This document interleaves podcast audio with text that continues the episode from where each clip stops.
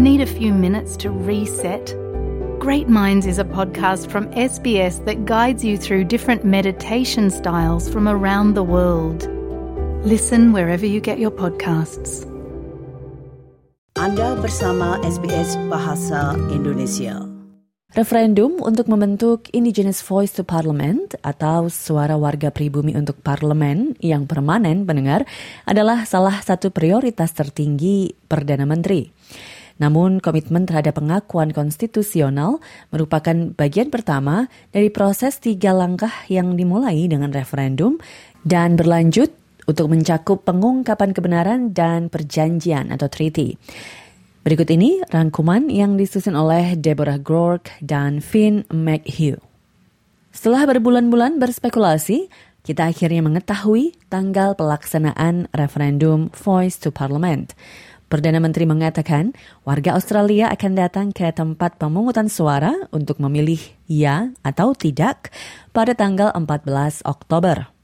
On that day, every Australian will have a once in a generation chance to bring our country together and to change it for the better. Australia pendengar belum pernah mengadakan referendum selama satu generasi. Jadi, kecuali jika Anda berusia 40-an tahun, Anda belum pernah memberikan suara pada referendum sebelumnya. Komisaris dari Komisi Pemilihan Australia, Tom Rogers, mengatakan kepada Sky News bahwa pemilihan ini akan serupa dengan pemilu. Uh, the referendum will look very much like an election. There'll be the same sorts of things that we do from mobile polling, aged care facilities. There'll be the overseas vote, um, postal votes.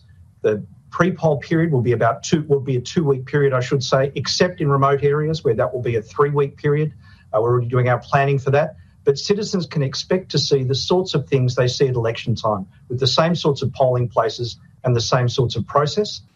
Artinya, Memilih bersifat wajib bagi siapa pun yang berusia 18 tahun ke atas dan mereka yang tidak memilih dapat dikenai denda.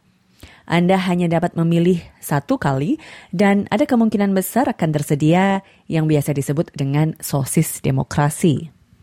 Good morning. What would you like? Hi, how are you? Can I get a, um, a veggie sausage with onions, please? Can you help Harry fill up anda akan memberikan suara ya atau tidak atas pertanyaan ini. It will read, a proposed law to alter the constitution to recognise the first peoples of Australia by establishing an Aboriginal and Torres Strait Islander voice. Do you approve this, this proposed alteration? Namun referendum tidak sama dengan pemilihan umum karena menang dan kalah ini dilihat dengan cara yang sangat berbeda.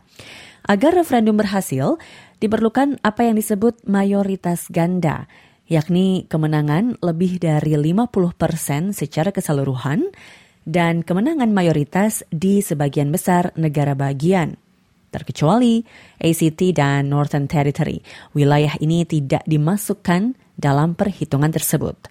Juru bicara dari AAC mengatakan bahwa instruksi pemungutan suara juga perlu diikuti agar suara Anda dapat ikut dihitung. It's vote either yes or no in full in English. And those instructions will be on the ballot paper in a couple of different places. On the poster in the polling place, uh, polling officials will tell you as they give you your ballot paper in the guides that are being received in mailboxes across Australia at the moment in our advertising. I could go on and on. Aturan mayoritas ganda pendengar membuat referendum ini sangat sulit untuk diloloskan. Dari sebanyak 44 referendum dalam sejarah Australia, hanya delapan yang disetujui dan lima di antaranya gagal karena meskipun sebagian besar warga Australia memilih ya, referendum ini tidak mendapatkan suara mayoritas negara bagian. Terkait dengan memilih yang mana, argumen utamanya ini berkisar pada beberapa poin penting. Para pendukung seperti Marsha Langton dari kubu Ya mengatakan bahwa The Voice ini akan mengakui masyarakat adat atau pribumi dalam konstitusi, mendengarkan mereka ketika kebijakan tentang mereka dibuat, dan sebagai hasilnya memberikan hasil yang lebih baik bagi masyarakat pribumi. We're here to draw a line in the sand and say this has to change, people's lives have to improve. And we know from the evidence that what improves people's lives is when they get a say, and that's what this is about. Sementara itu, kelompok utama tidak mengatakan bahwa suara tersebut akan berisiko dan memecah belah. Tidak diketahui dan karena akan diabadikan dalam konstitusi, maka akan bersifat permanen. Namun, ada juga sejumlah orang yang menentang voice ini karena alasan yang sangat berbeda. Seperti misalnya Senator Independen Lydia Thorpe yang mengatakan bahwa hal ini tidak akan berhasil. Treaty is what our people have been calling for. To see that we're still tinkering around the edges with a useless voice that has no power, I think we've come too far in this country to accept uh, trinkets. Anthony Albanese mendengar telah mempertaruhkan banyak modal politiknya untuk pemungutan suara ini sejak ia menyampaikannya pada malam pemilu pada Sabtu 21 Mei tahun lalu. I begin by acknowledging the traditional owners of the land on which we meet. I pay my respect to their elders, past, present, and emerging. And on behalf of the Australian Labor Party, I commit to the Uluru Statement from the Heart and Call. Pada tanggal 14 Oktober mendatang, Australia juga akan memutuskan apakah akan berkomitmen pada isu ini.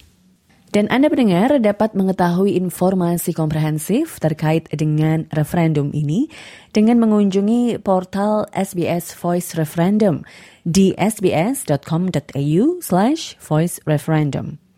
Demikian tadi rangkuman yang disusun oleh Deborah Gork dan Finn McHugh untuk SBS News dan dibawakan oleh Tia Arda untuk SBS Indonesia. Sukai, berbagi, komentar. Ikuti SBS program Bahasa Indonesia di Facebook.